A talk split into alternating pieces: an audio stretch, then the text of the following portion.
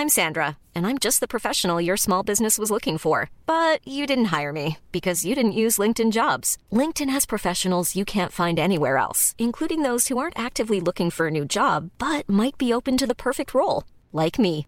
In a given month, over 70% of LinkedIn users don't visit other leading job sites. So if you're not looking on LinkedIn, you'll miss out on great candidates like Sandra. Start hiring professionals like a professional. Post your free job on linkedin.com/people today. Hey there, it's Michelle Norris. I'm host of a podcast called Your Mama's Kitchen. When I travel, I'm usually looking for a way to find a taste of home when I'm not at home. And one of the things I love to do when I am at home is entertain. And Airbnb allows me to do that. When I was in California recently, I rented a house that had a great kitchen. And when we were sitting around the table, we we're all thinking, we're in someone else's house. Someone could be in all of our homes as well. If you have a home, but you're not always at home, you have an Airbnb. Your home might be worth more than you think. Find out how much at airbnb.com/slash host. Du lyssnar på avsnitt 119 av Britta och Parisa, din machete i misären. Varje vecka slicear vi ett väldigt skarpt eh, genom eh, nyhetsdjungeln, eller? Absolut. Denna vecka vi följer upp eh, dokumentären kring Soran Ismail och Persona non grata eh, i och med att Bianca Kronlöfs väldigt virala öppna brev har fått eh, väntade och oväntade reaktioner och följder. Och sen så litar jag på att du Parisa har en gottepåse med Oscarsgalan eh, snack med dig idag. Jo tack! Inför sändningen på söndag går jag igenom eh, bästa filmkategorin och ger er i miniformat vad det handlar om och vilken ni ska gå på. Och jag kommer att eh, fortsätta det här snacket om kvinnans könsorgan med den kanske mest otippade mannen att uttala sig om det. Missa inte! Lyssna vidare! Kör på nu! Nu åker vi! Välkomna!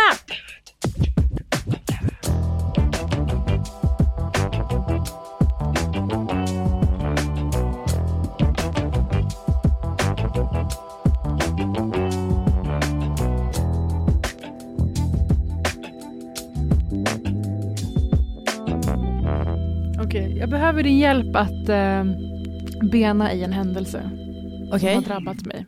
kör.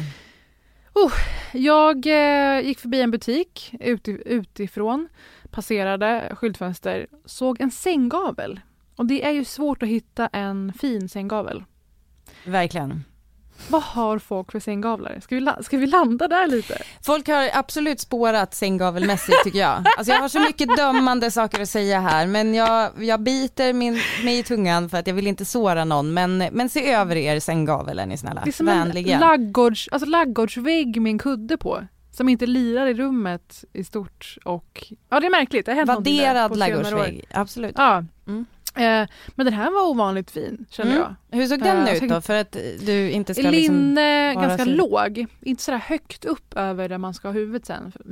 Folk verkar ha väldigt högt upp.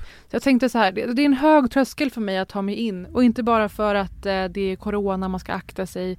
Men jag spanade in och kände så här, men okej, det är inte fullt med folk där inne. Jag går in ändå och kollar snabbt bara. Jag ska bara kolla en grej snabbt. Mm. Eh, jag ska fota av egentligen en prislapp med där det står vad den heter och kunna gå hem igen. Mm. Ehm, Så du kan titta på in. nätet? Ja, Ja. och kollar mått och sådär.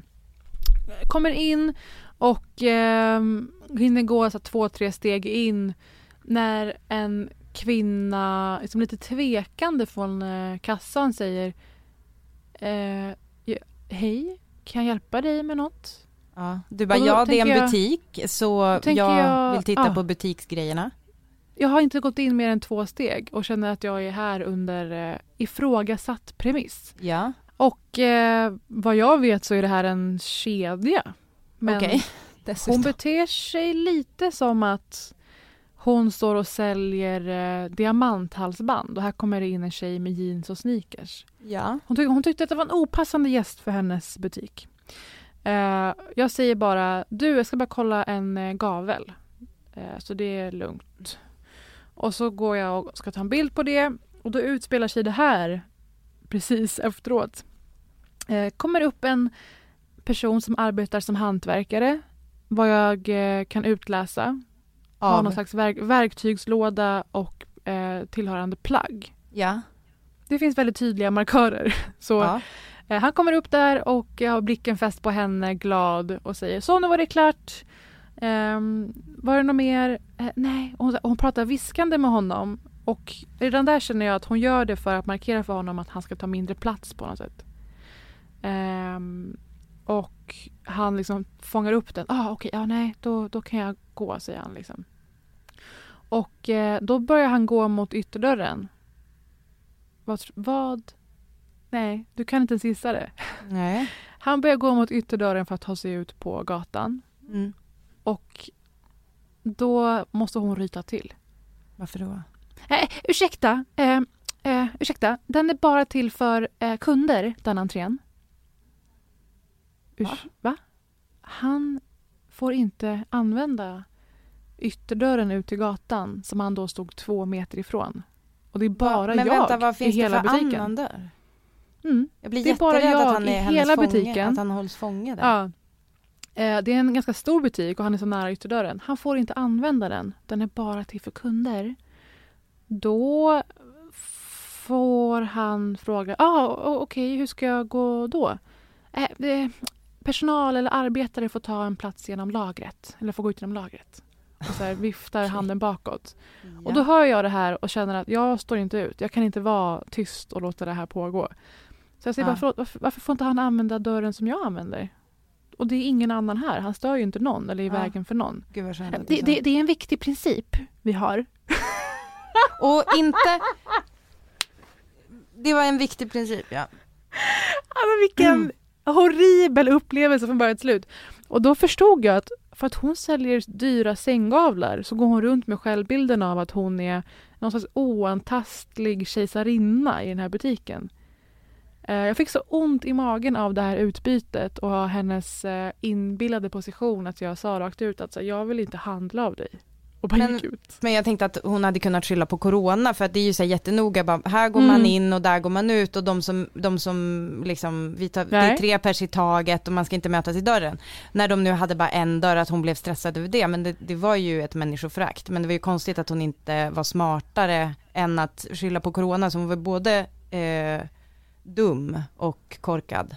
Men även om det var så, det var ingen annan där överhuvudtaget. Stor butik, Nej. stor entré, han stod två meter ifrån stackaren. Och att hon från sekund ett jag såg henne, hur hon behandlade honom och mig. Alltså jag insåg att par- parallellen här är Ja. personer som säljer vad de upplever som lyxvaror på flygplatser.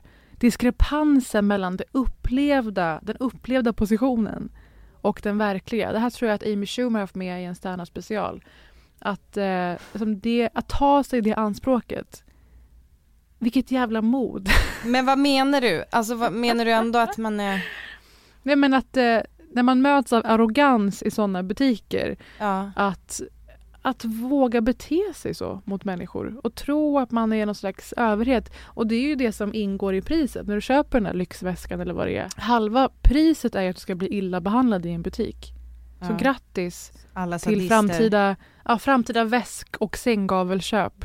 Alla sadister går in där bara för att bli förnedrade av personalen. Klart att det är någon slags eh, BDSM inblandat. Det tycker jag låter rimligt. Samma personer som gillar att bli trampade på med klackskor. De går in och köper jättedyra sänggavlar. Just halva grejen för förnedringen. Att liksom, de är inte riktigt värda det egentligen, men nästan.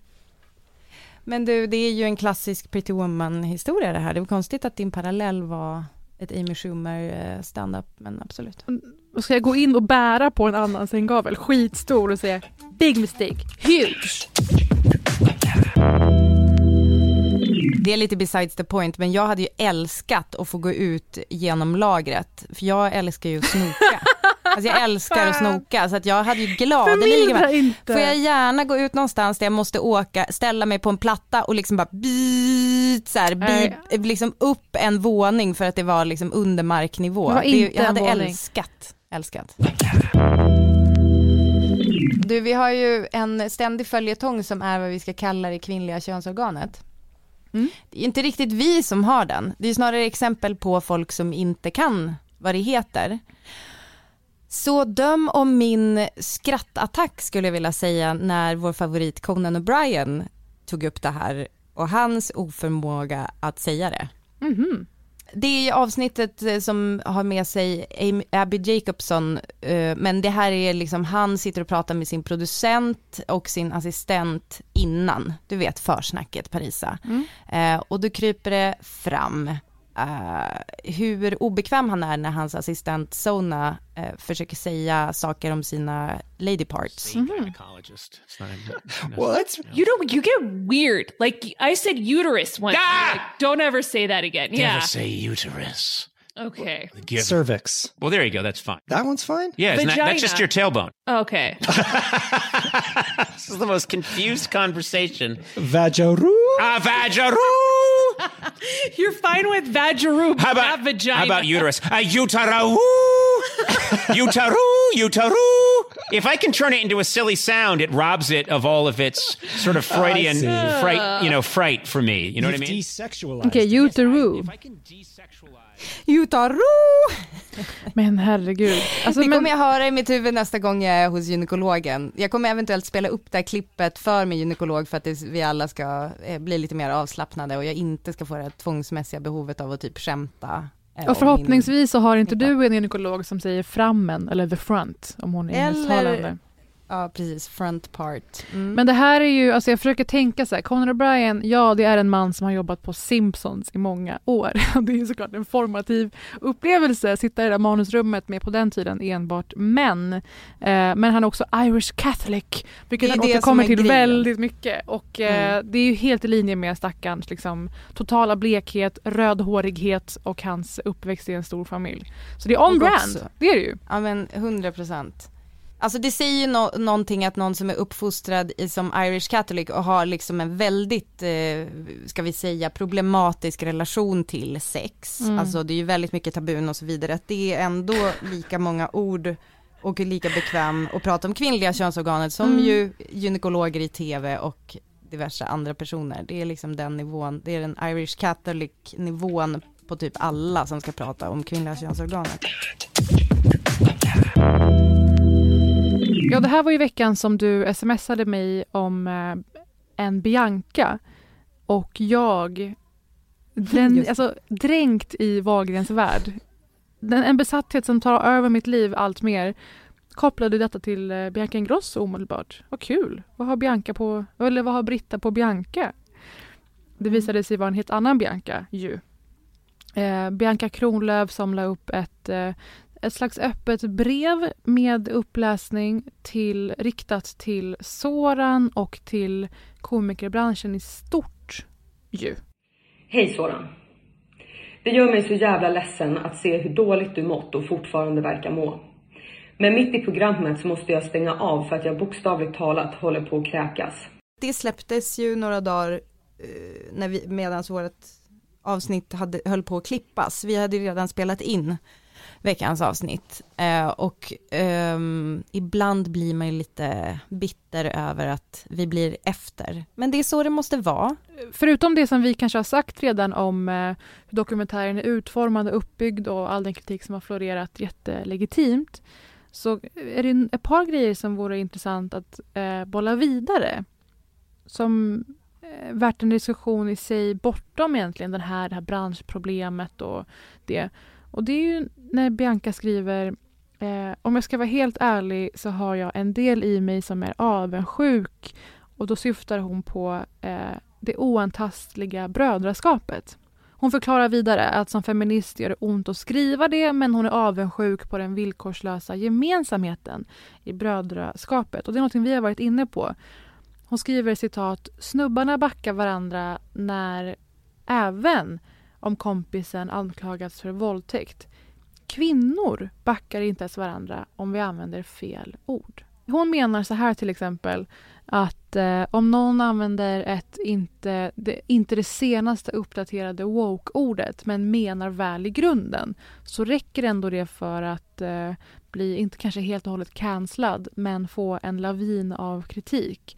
Att kraven kvinnor har på andra kvinnor, speciellt i offentligheten, är omöjliga. Och det här snackade vi om sist när det kom till Linnea Claesson eller när det kom till ena och andra. Att kvinnor måste vara perfekta på ett annat sätt och att fallhöjden är så enormt hög Mm. ju. Och för liksom ganska harmlösa snedsteg eller bara saker som man lätt kan DMa. Hej, du vet väl att det heter så och så? Ja, vad bra, tack.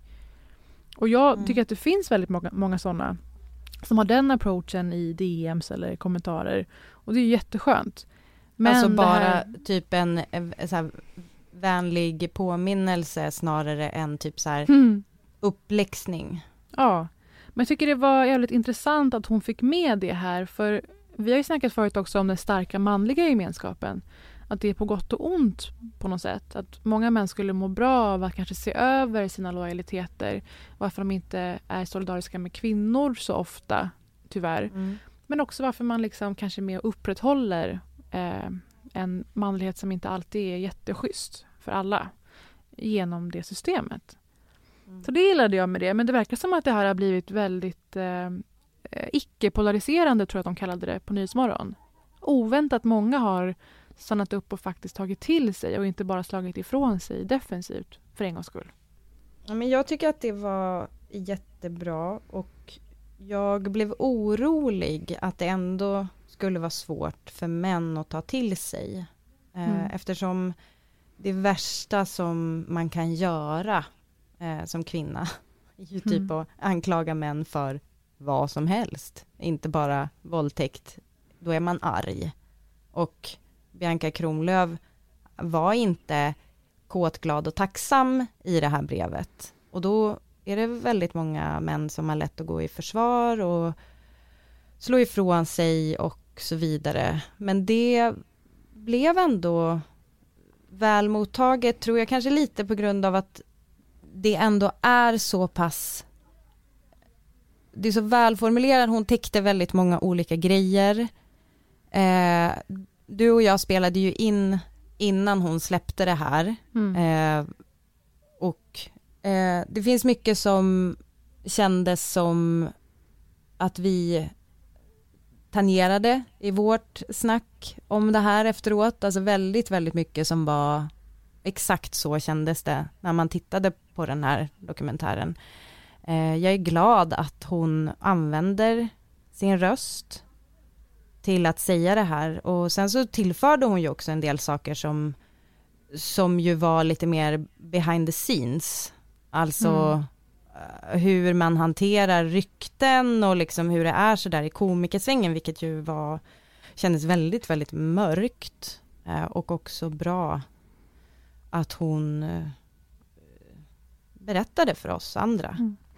Ja, och hon säger till och med så här, det här kommer jag förlora jobb på. Och så kan man ju känna ibland Ja. när man tar ställning för saker. Det är otroligt. Och det är ju där det är där det där inbyggda sy- systemet, hur det fungerar. Att man liksom slutar bokas eller börjar exkluderas om man inte ställer upp på de här eh, ibland outtalade reglerna, ibland mer eller mindre uttalade reglerna. Nu har ju hon massa Mm. andra ben att stå på som skådis och sådär. Eh, men det är trots allt, det är fortfarande väldigt modigt gjort. Ehm, Ja men och det är inte en jättestor bransch, alltså mm, jag har ingen inblick exakt i vad det finns för olika roller men jag kan tänka mig att många överlappar mellan också, alltså skådis och komikersvängen. Där tror jag ändå att det kan finnas många mm, eh, samma fikarum om man säger så. Mm. Så det, det, jag tror absolut att hon tar en stor risk och det hon också tar för risk med det här det är ju just att vara den jobbiga eh, som vi pratade om apropå att eh, Sorans eh, överlevare kallas för arga Mm. av eh, Kristoffer Appelqvist. Appelqvist Ja. att eh, det är inte arg man är och det finns andra saker man är när man är, har varit med om någonting obehagligt som man berättar om och det, det är väldigt lätt eh, label för män att sätta på kvinnor. Typ så här, ja, hon, hon är så himla arg hela tiden. Varför är du så arg? Och det blir så jobbig stämning nu och hon är så oskön. Medan eh, män gör jättemycket saker hela tiden som gör oskön stämning för andra. Inte bara att de våldtar kvinnor, Mm. det är ju ganska jobbig stämning, men också i så här, eh, köra över folk liksom i, på olika ställen. Det är, vi har vant oss vid det, så därför är det okej. Medan när en kvinna gör någonting obekvämt så blir det jobbigt. Så att jag, jag kan verkligen se framför mig att hon måste ta med det i eh, liksom ekvationen när hon bestämmer sig för att posta det här. Men jag menar verkligen det när jag säger det att eh, det är någonting jag själv känner. Att jag har nog blivit av med en del eh, möjligheter för att jag inte automatiskt ställer mig bakom vissa eh, personer och grupperingar som alla tycker är det coola och sådär men som har en stil som är eh, ganska kvinnofientlig och eh, som står på en grund av ganska smak, osmaklig eh, liksom rasism. Lite så här förlegade billiga skämt. Om man, om man inte tycker att det är så kul eller att det inte är på sin plats på en arbetsplats eller vad som helst. Då blir man ju ganska snart utsållad därifrån. Så dels det tycker jag var bra att hon lyfte det strukturella också vad gäller bransch och att orka sätta emot. För samma gäller ju då, kan man gissa, för killar i den här gemenskapen att eh, för att de ska göra avsteg så är ju de också rädda för att förlora en viss position och en viss ställning. Så det kan ju vara liksom fostrande eller att hon är en förebild på så sätt också, Bianca, i och med detta. Eh, men du, du har inte sett att Soran Ismail har svarat, Bianca? Nej. Då ska jag Bli, bli nervös direkt för hans. För det, har, det har hänt ett par grejer sedan det här som jag tycker är intressant och som bekräftar mycket av Biancas eh, tes. Som hon själv lyfte upp faktiskt. Eh, det var ett öppet brev. Så Soran skriver, jag har läst det öppna brevet till mig från Bianca. Jag tycker på att det är viktigt och väl skrivet. Jag har kontaktat Bianca och vi har bestämt att ses för att prata så fort tillfälle ges. För hon säger ju i sitt öppna brev till exempel att hon vill träffa honom. och Hon skulle prata med honom om samtycke och kvinnosyn till exempel. Eh, så hon har ju den approachen vilket jag tror har bidragit till att det har tagits emot så brett. Att hon har en ganska utforskande och öppen ton i detta. Mm. Och så vidrör han då en del av kritiken kring hur han har levt i relation till kvinnor och sex innan. Han kallar det för måttlöst och exceptionellt. Han säger att det inte har varit normalt och han förstår att människor ifrågasätter hans kvinnosyn.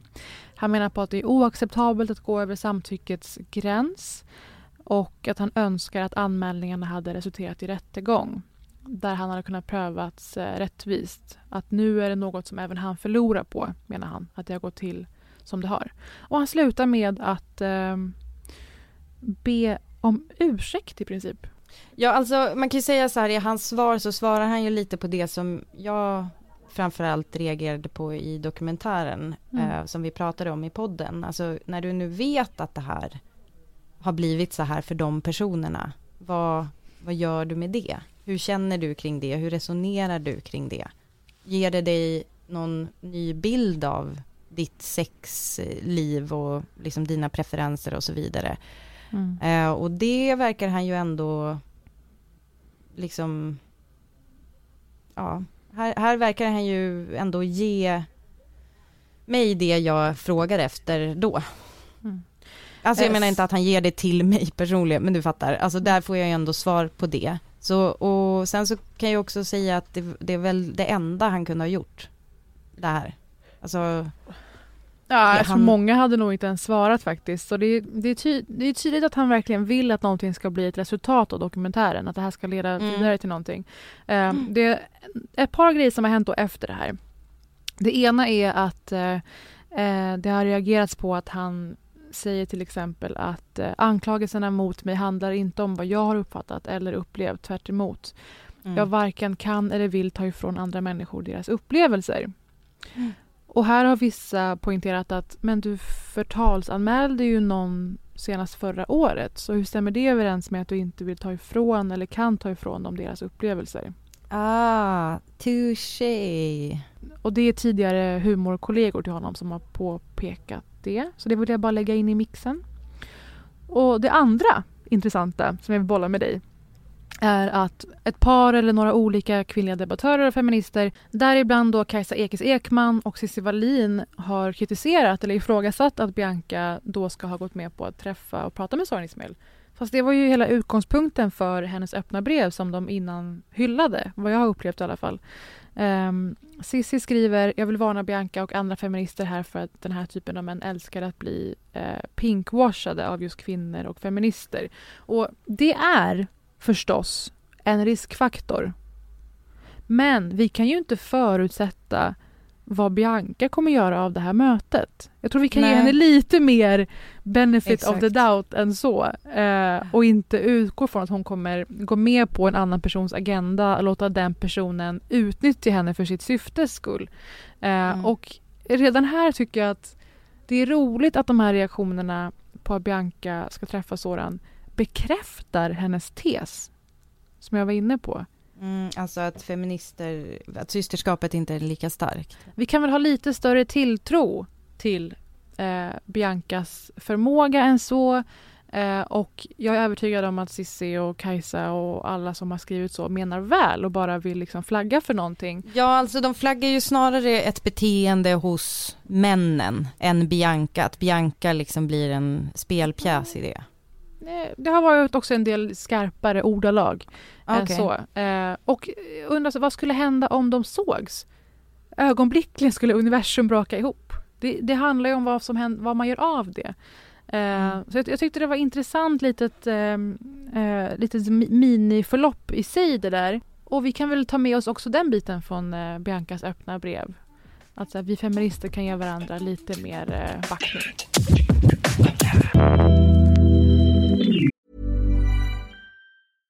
Want flexibility? Take yoga. Want flexibility with your health insurance? Check out United Healthcare Insurance Plans. Underwritten by Golden Rule Insurance Company, they offer flexible, budget friendly medical, dental, and vision coverage that may be right for you. More at uh1.com. I'm Sandra, and I'm just the professional your small business was looking for. But you didn't hire me because you didn't use LinkedIn jobs. LinkedIn has professionals you can't find anywhere else, including those who aren't actively looking for a new job but might be open to the perfect role, like me. In a given month, over 70% of LinkedIn users don't visit other leading job sites. So if you're not looking on LinkedIn, you'll miss out on great candidates like Sandra. Start hiring professionals like a professional. Post your free job on linkedin.com/people today. En grej som jag vill ta tag i det där är ju också att en sak som har gnagt i mitt huvud är ju just det att hur bryggar vi emellan vi kvinnor som pratar jättemycket om, om vi ska säga i, liksom lite bredare ordalag, alltså mäns våld mot kvinnor, inte bara om våldtäkter men också i veckan har det ju varit eh, väldigt mycket kring att eh, det är fem stycken kvinnor som har mördats på tre veckor av Mm. män. Eh, Fem av, män. Ja, och det är män ofta som offret känner och kanske också har ehm, försökt, ja men kanske anmält eller lever i skräck eh, för. Eh, och eh, det har eh, ja, öppnat för en debatt eh, eh, i riksdagen, eh, inte minst, och också Nyhetsmorgon har eh, publicerat intervju eh, med en gömd kvinna Mm. och som berättade otroligt drabbande eh, kring hur det är att leva, leva gömd i skräck eh, för en man och eh, det är ju bara kvinnor jag har sett dela information kring det här. Så jag, Säger alltså jag du tycker det? liksom att Nej, nu kommer jag med min Nej, nästa men- Ingrosso. Benjamin Ingrosso kan man lita på. Han det delade sant? detta. Älskade Åh. människa. Ja. Ja, du ser. Men för det jag tänker, och, och, och då kanske du har svaret att det kanske är Mm. Benjamin Ingrosso eller varför inte eh, Felix Sandman, Ja. liksom det, det gänget. Att så här, vad, hur kan man prata med eh, män om det här? Alltså hur kan, det, hur kan vi göra det, Just det. hur kan vi flytta det till Allas att det fråga. blir männens, allas fråga? För att det, det är inte, det kan inte vara någonting som bara kvinnor bryr sig om. Eh, Jag Mm. berättade om jag berättade för min man lite grann om eh, ja, men så här, hur det ser ut på kvinnojourer, alltså bara av en slump eh, så började vi snacka om det här och jag bara, men förstår du Mm. det här? Alltså vad det innebär att en kvinna liksom lever gömd, kanske från oftast sina barns pappa eh, och så vidare och så bara berättade jag så här ehm, Men Deras liv ett, eh, förstörs ju. Ja, precis. Och eh, han är typ så här, nej men jag tror inte att jag liksom tar del av den här typen av information, för i hans flöde finns ju inte det. Man kan eh, börja jag- följa alla kvinnors hus på Instagram så får man man- väldigt det mycket man information. Det kan man göra, man kan, man kan följa ROX, man kan följa liksom, Unison. kvinnojouren och så vidare, så unison. Men grejen är att män gör sällan det och det är också när det, när det gäller initiativ för eh, att samla in pengar eller att ge pengar och vara så här månadsgivare och sånt där till sådana organisationer så är det oftast främst från kvinnor, sådana här grejer som Mm. att eh, skänka julklappar till kvinnojourer och så vidare. Kvinnor som gör. Och det tycker jag är så jävla märkligt för att om jag var man skulle jag bli så fruktansvärt förbannad över att det är så här det går till. Att det är en massa snubbar som tycker att de har rätten att styra över en annans liv på det där sättet, att hota eh, sina barns mor till livet inför barnen, döda, alltså slå, slå dem inför barnen, alltså alla sådana där saker. BRIS har jättemycket samtal från barn som upplever våld. Eh, så att det är liksom, eh, det, det är så, jag är så jag är så jävla upprörd över det här och tänker att enda liksom vägen mot att, att vi bryggar mellan oss som sitter och pratar om det här hela tiden och männen som faktiskt kanske har större möjlighet att nå fram till de män som är de som slår. För någon känner ju någon. Ja. Alltså någon känner ju någon som slår.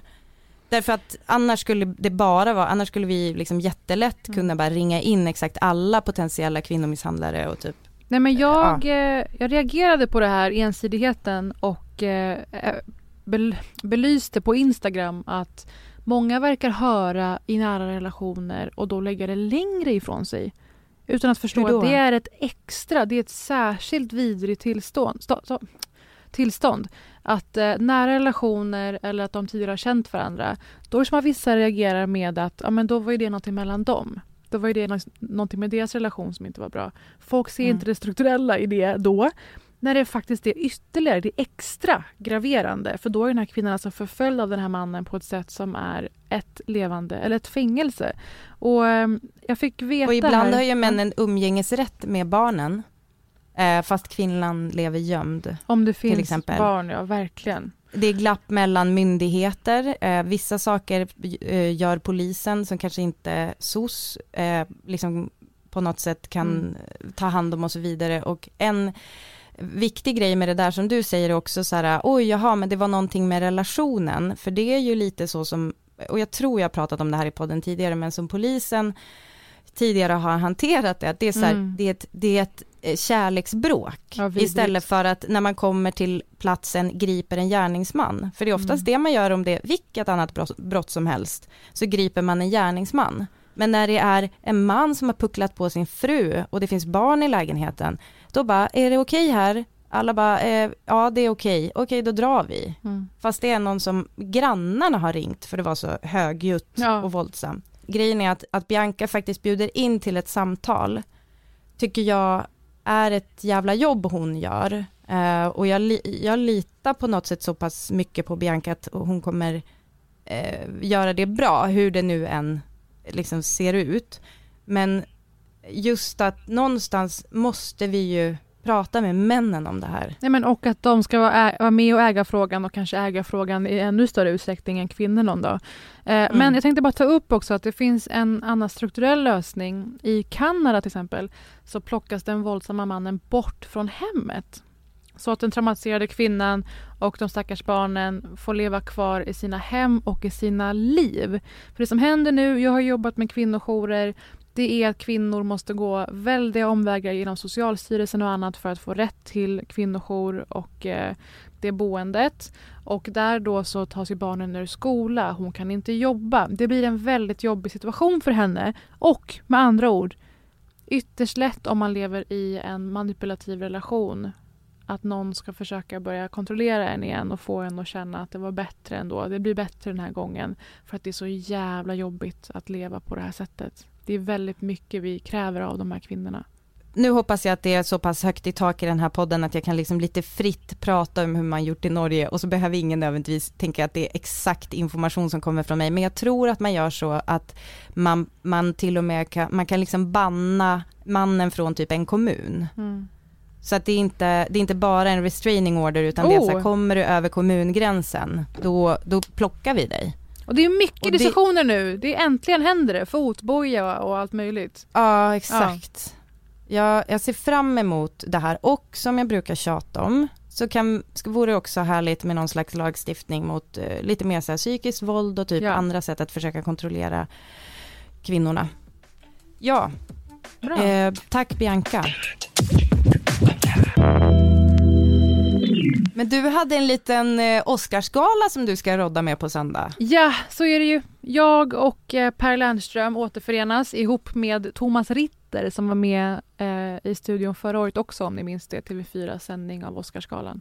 Och då var ju Per, älskade Per, vi, vi båda känner ju Per och tycker väldigt mycket om honom. När han, Mm. när han stod på röda mattan i Hollywood.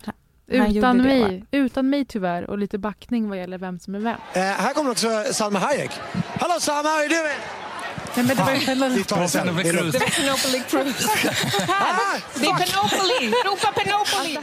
Men det här är ju faktiskt jättetaskigt och har debankat sen dess att han såg dem båda samtidigt och det framgår ju inte i bild vilket fick att se ytterligare. Ja. ja. han mår dåligt över det. Där, där gör jag mig skyldig till att ha gått på den också. Mm. Men det kom ju med i Jimmy, Jimmy Kimmel show. Det är en klen tröst.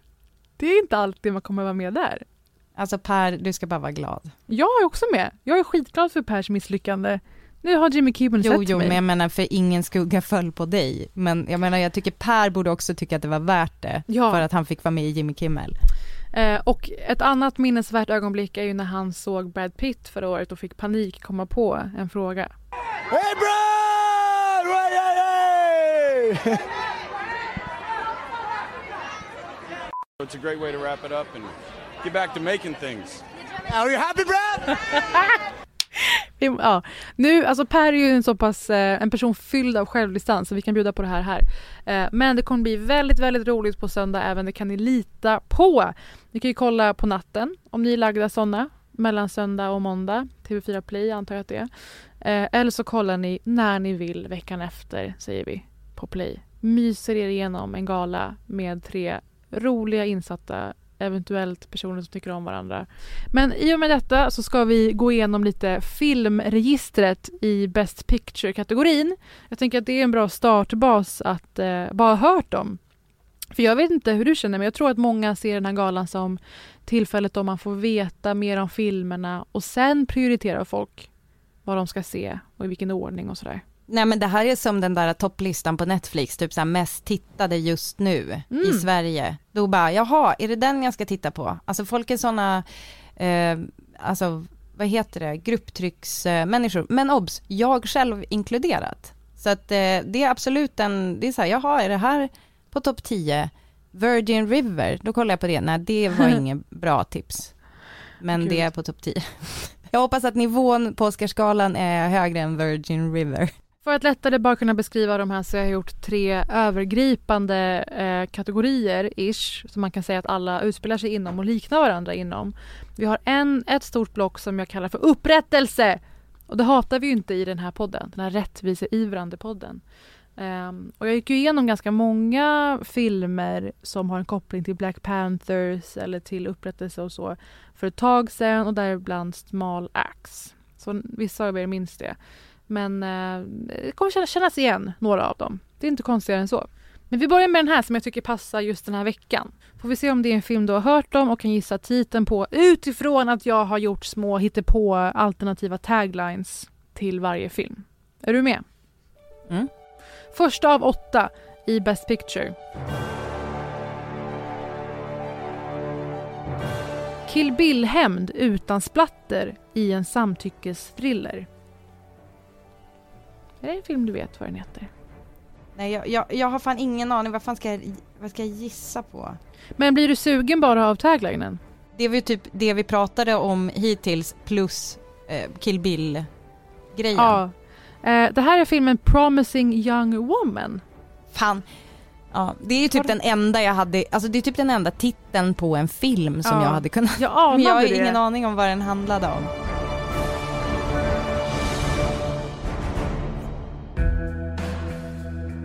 Whisper something. Please let go. What are you doing? It's okay, Kate. You're safe. What are you doing? Hey, I said, what are you doing? What are you gonna do? I don't know. It's every guy's worst nightmare getting accused like that. Can you guess what every woman's worst nightmare is? Det är Carrie Mulligan, som många känner igen och har sett, som spelar en kvinna som vi, det uppdagas allt mer i filmen. Hon har någon slags plan. Hon har en agenda. va? Och Det som har hänt, bakgrund är collegevåldtäkter, killgäng Oh. hållit varandra om ryggen, utfört övergrepp på kvinnor på sina collegefester och eh, ansvariga på skolan har ju velat begrava detta såklart. Och kvinnor har fallit offer för denna policy. Och då är Carrie Mulligan en kvinna med ett mission och eh, Kill Bill hämnd utan splatter tycker jag hintar lite om det jag säger. Att det är, väldigt, det är mycket mer eh, smart och lurigt än så, hennes plan. Det är inte bara att åka runt och halshugga folk. jag hade sett det också i och för sig. Väldigt frustrerande men också befriande att se den här filmen. Så passa på att göra det när den väl kommer eh, till Sverige. Promising Young Woman. Det låter ju som någonting som kanske kan vara också lite förlösande om man sitter nu med massa frustration och ilska kring, eh, ja, till exempel vad män tar sig för friheter med kvinnor. Är det liksom en, eh, eh, alltså är det nästan som en slags, eh, ja inte plåster på såren, men kanske att man får leva ut i filmens värld det man kanske önskar att man kunde göra. Både Eller? plåster, både plåster och tändvätska på campen skulle jag säga. Oh! Oh, det hatar vi inte. Eh, men alla de här filmerna i upprättelsegenren som jag har uppfunnit är väldigt angelägna och kopplade till relevanta frågor som vi alla går och bär på och känner någonting kring. Eh, så film nummer två i upprättelsekategorin. Hippies i fläskigt rättegångsdrama. Den här tar du.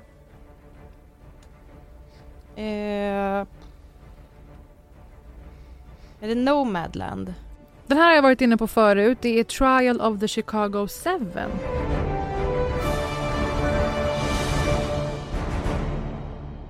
Är, är det liksom något liknande Central Park 5? Fast, Till exempel- Mm, låt mig gissa att det är sju pers i Chicago. Ja. We want to underscore again that we're coming to Chicago peacefully, but whether we're given permits or not, we're coming.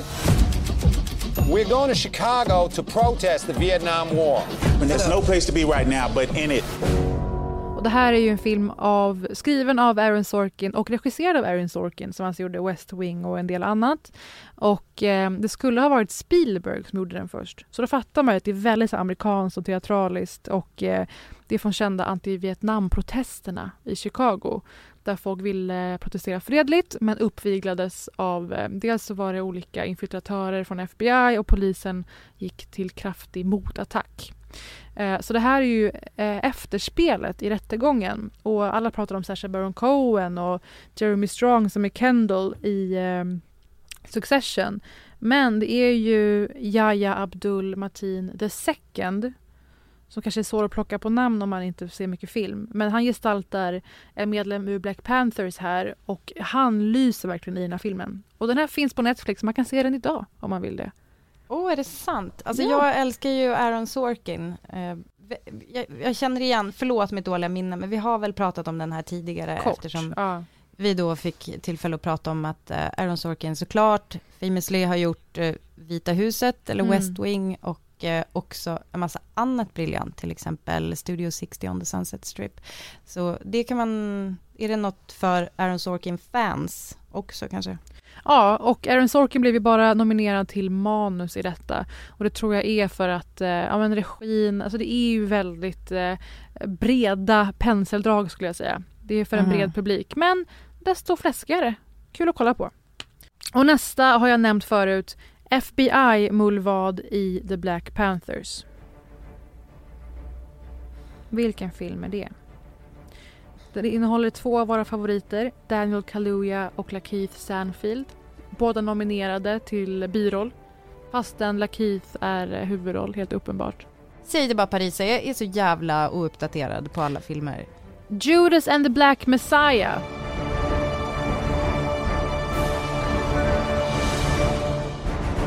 Som är en av mina främsta favoriter i eh, Best Picture-genren har vi kommit till en redan. Det finns ett par till som jag verkligen, verkligen tycker om. Och det här är en av dem, alltså att eh, FBI placerar en mullvad i The Black Panthers, vilket är hela premissen som jag avslöjade nyss. Och det här snackade jag om i avsnittet om eh, small Axe och annat, när det begav sig. Deputy Chairman Fred Hampton of the Illinois Black Panther Party.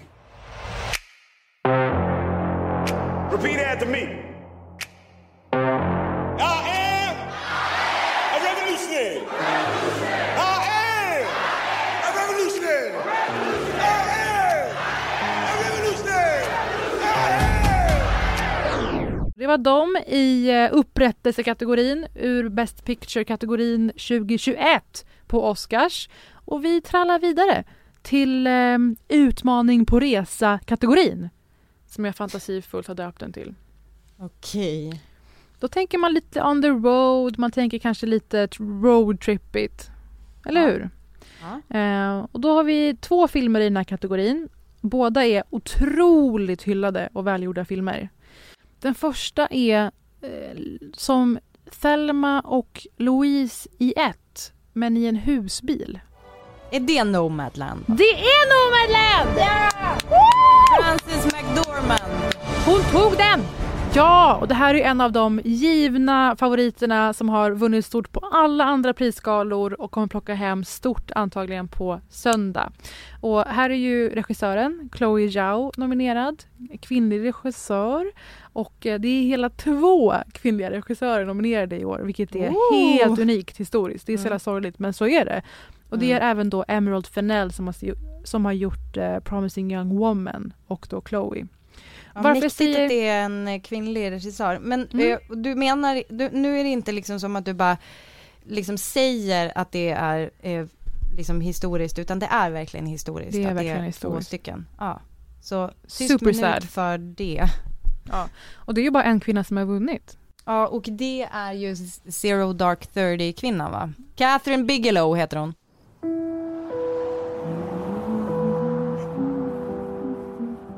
You are one of those lucky people that can travel anywhere. Yes, ma'am. And they sometimes call you nomads. My mom says that you're homeless. Is that true? No, I'm not homeless. I'm just houseless. Not the same thing, right? No. Eh, och den här filmen är bland det vackraste, mest förödande, drabbande ni någonsin kommer se i era liv. Är det Eh, sant? Ja. Varför då? Varför jag säger Thelma och Louise i ett? Det handlar ju om kvinnor som ehm, flyr undan ett samhälle som inte är gjort för dem, som inte blidkar dem. De, är, de har varit med om någonting hemskt och rättvisan är ute efter dem och de fattar att vi kommer aldrig få dem att förstå att vi, att vi är eh, oskyldiga.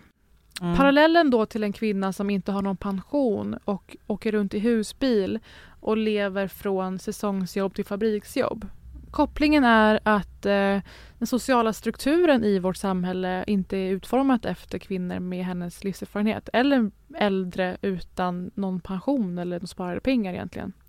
Mm. Hon har förlorat sin man och det här är en film där vi får följa hennes re- resa egentligen, både inre och yttre. Fint va? Ehm, dels då de här hårda slitjobben och att leva på minimum egentligen. Men också väldig integritet och stolthet i det, i det utforskandet. Att inse att, att vara liksom rotlös inte innebär alltid att vara vilsen. Att man, kan hitta, man kan ha hittat en större frihet i den, här, i den här resan. Och det är ju det som Thelma och Louise ju handlar om. Mm. Eh, Det är ju jag- inte inte Untamed.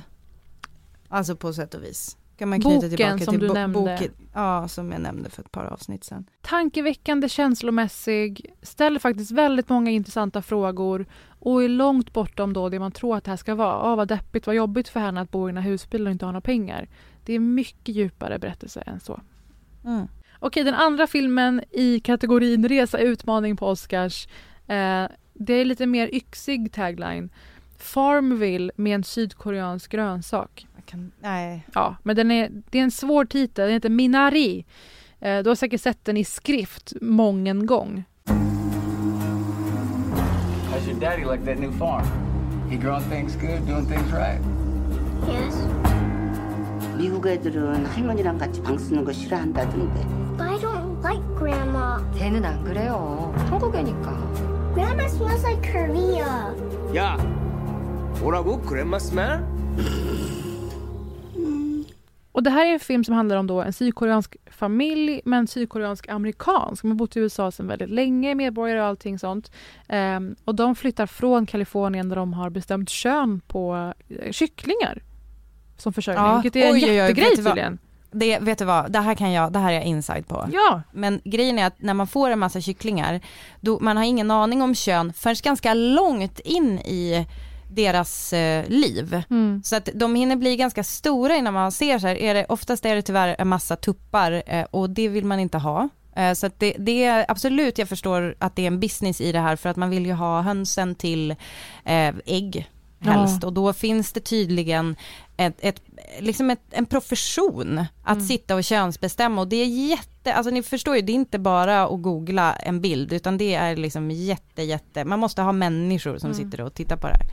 Men mannen, maken i familjen, han har blivit blixtsnabb på det här och tjänat Alltså, ihop förlåt. en stor slant. Mm. Ja, ja. Alltså förlåt, det säger bara så jävla mycket om våra olika liv när du liksom kan jättemycket om olika filmer och så sitter jag här och så bara den gången jag får luft och pratar om något då är det liksom om något som är relaterat till, är det relaterat till en jävla bondgårdsgrej. Det är perfekt, perfekt Vilken kombo. tönt jag har blivit. Men, Eh, eh, kanske alltid har varit. Ja. Men han har blivit proffs på det här i alla fall och tjänat ihop en hacka.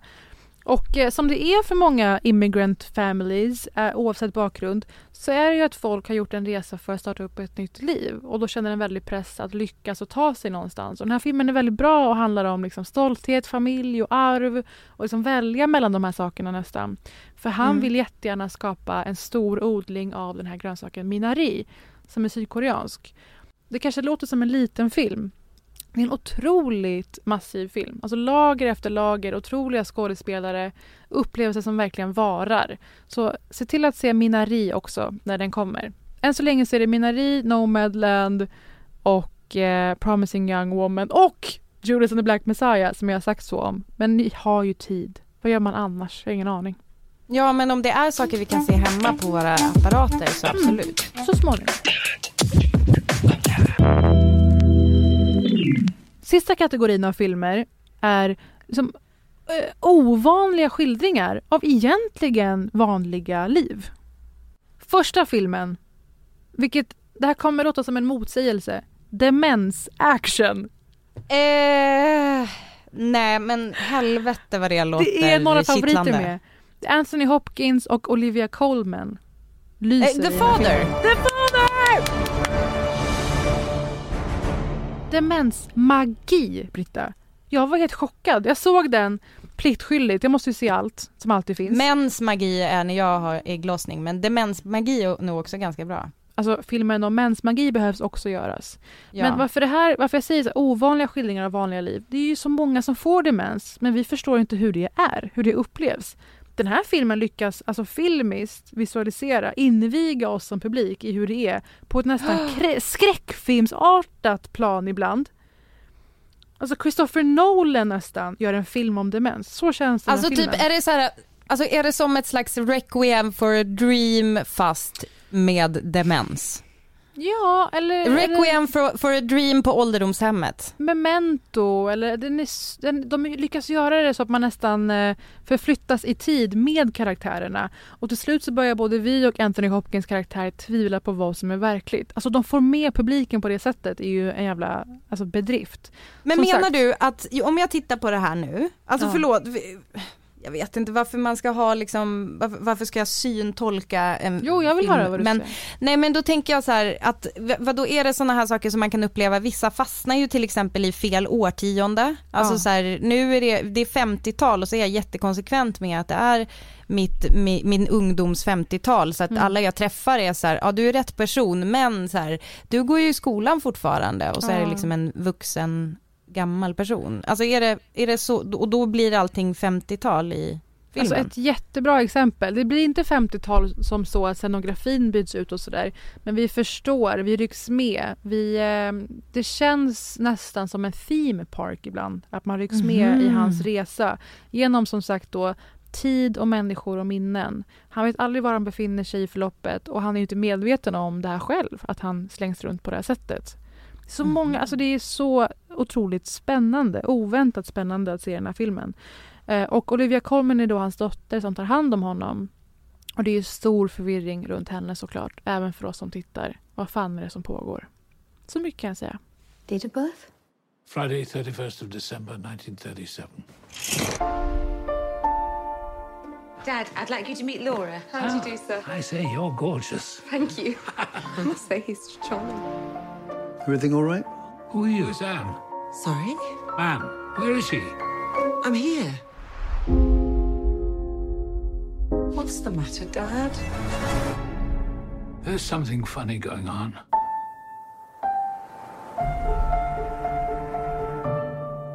Jag tänker också så här på typ Michel Gondry, alltså typ Eternal Mm. Sunshine, Ja. att det är någon slags, eh, att man också är med inne i någons huvud. Eh, Ja. det låter ju superintressant. Vem är regissör? Det är en fransman som heter Florian Zeller. Nästa film tar oss faktiskt närmare in på den här upplevelsen. Eh, och den har jag kallat för istället Hörsel Action. Vet du vilken det är? Nej. Det är med en annan favorit till oss. Riz Ahmed är med. Riz Ahmed! Riz Ahmed är alltså med och spelar en hårdrockare som långsamt Uff. börjar förlora hörseln. Oj, I en, film, ja, I en film som heter Sound of Metal. Den är också oväntat bra. Det här är en film som kommer ännu närmare, som nästan sänker ner oss i hans kropp. Att vi upplever det han upplever när han upplever det. De har lyckats göra det så nära och intimt. Och med Oj, liksom- vad man hade velat se den på bio. Ja, På men det ska bio. du. Men med Ja. otrolig ljudbearbetning och foto och då Riz Ahmeds fruktansvärt begåvade skådespeleri så känns det så omfattande och som att man är där när det här sker.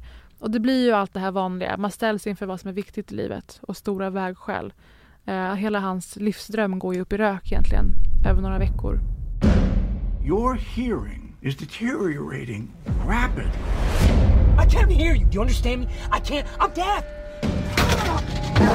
I'm deaf.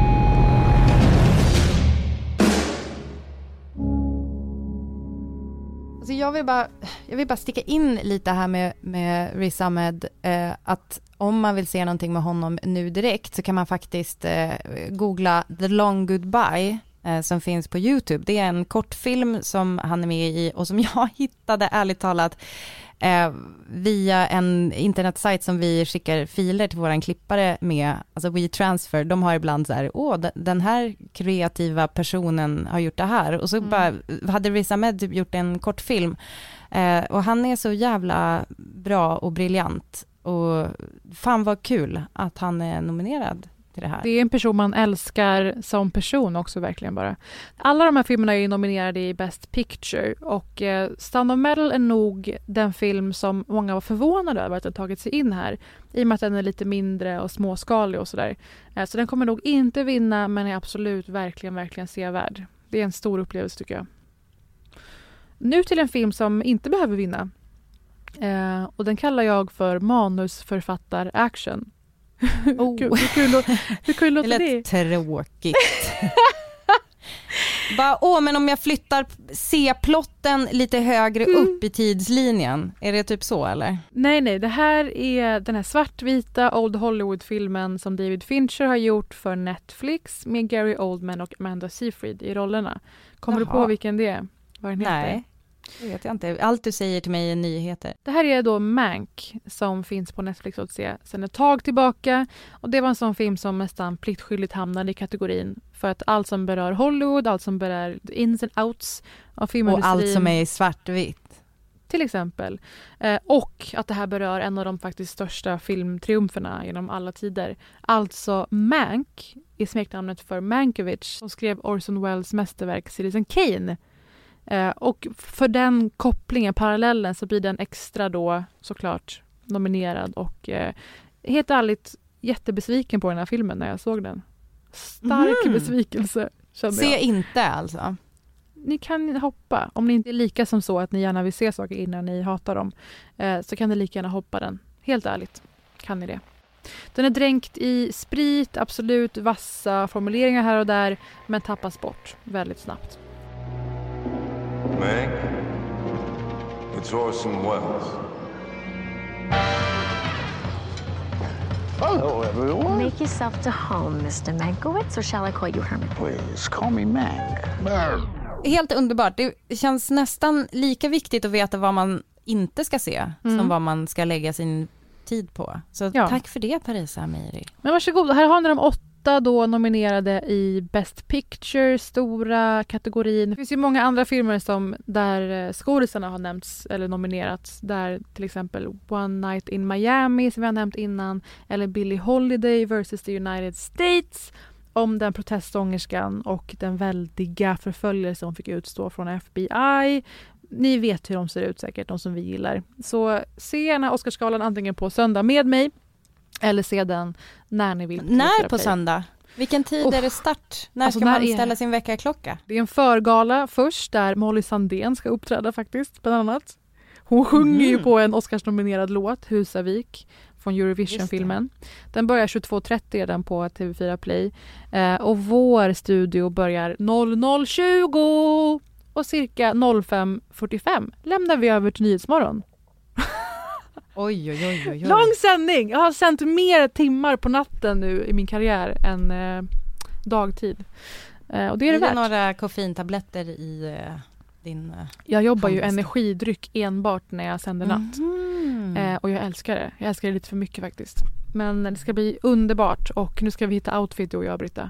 Let's do this. Det ska vi. Jag har ju redan, eh, jag har redan satt igång lite olika bollar här. Jag, jag försöker projicera, nej men alltså projicera allt som jag själv inte kan eh, bära, eh, kommer jag nu Ja, hänga på dig. Så det, det är väldigt kul för att eh, Parisa kommer då på söndag att ha alla kläder som är fina, så där som Joey har i ett avsnitt av Vänner. Mm. I'm wearing all the clothes. Eller så byter jag i varje reklampaus. Ni får se på söndag! Tack för att ni har lyssnat ännu en vecka. Vi finns på Britta och Parisa va? Det gör vi. Och där pratar vi ju lite mer om eh, till exempel män som inte kan bete sig mot kvinnor eh, under hashtaggen nedlagd. Eh, så tack till eh, sociala medier-proffset eh, Parisa Miri eh, och tack till alla som har delat eh, sina berättelser och palla göra det och jag, jag, jag tror liksom att vi alla eh, behöver lära oss av det här så och, och då, då är det ju viktigt med berättelser eh, first hand liksom berättelser så det är jätte, jag är tacksam för att folk orkar Mm. eh, dela med sig faktiskt. Och det är så tragiskt att det hänger på det, att folk ska orka. Det är ju så ett nederlag alltså. Så ja, nedlagd, dela gärna med er så fyller vi på där tycker jag. För att det här, Ja. det tanken är, är att visa på hur mycket som ska till för Mm. att fälla någon. Hur det här begreppet friad på grund av nedlagd förundersökning, det säger inte så mycket. Nej, Ja, ja. och hur stark Tack, man ska vara för att orka Ja. igenom en sån process. Mm. Ehm, och det tycker jag också var väldigt drabbande i den här eh, TV4-intervjun med den gömda kvinnan som Jenny Strömstedt eh, gjorde. Den bör ni se på TV4 Play, men också tänka på och lyssna på att hon faktiskt själv har valt att inte ha en förvrängd röst i intervjun Mm. för att hon känner att hennes röst är det enda hon har kvar. Eh, som är hennes och det är så jävla hemskt och också underbart att hon då får använda den, att hon ges den plattformen tycker jag. Eh, så att, eh, ja, ni som orkar använda era röster, gör det och ni som inte orkar det, eh, det, det fattar, det fattar jag att man inte gör. För det krävs väldigt mycket. Så, ja, tack. Tack till er. Tack till er! Nu, Puss nu är och det hej! slut. Puss och hej. Nu är det Nu är det slut!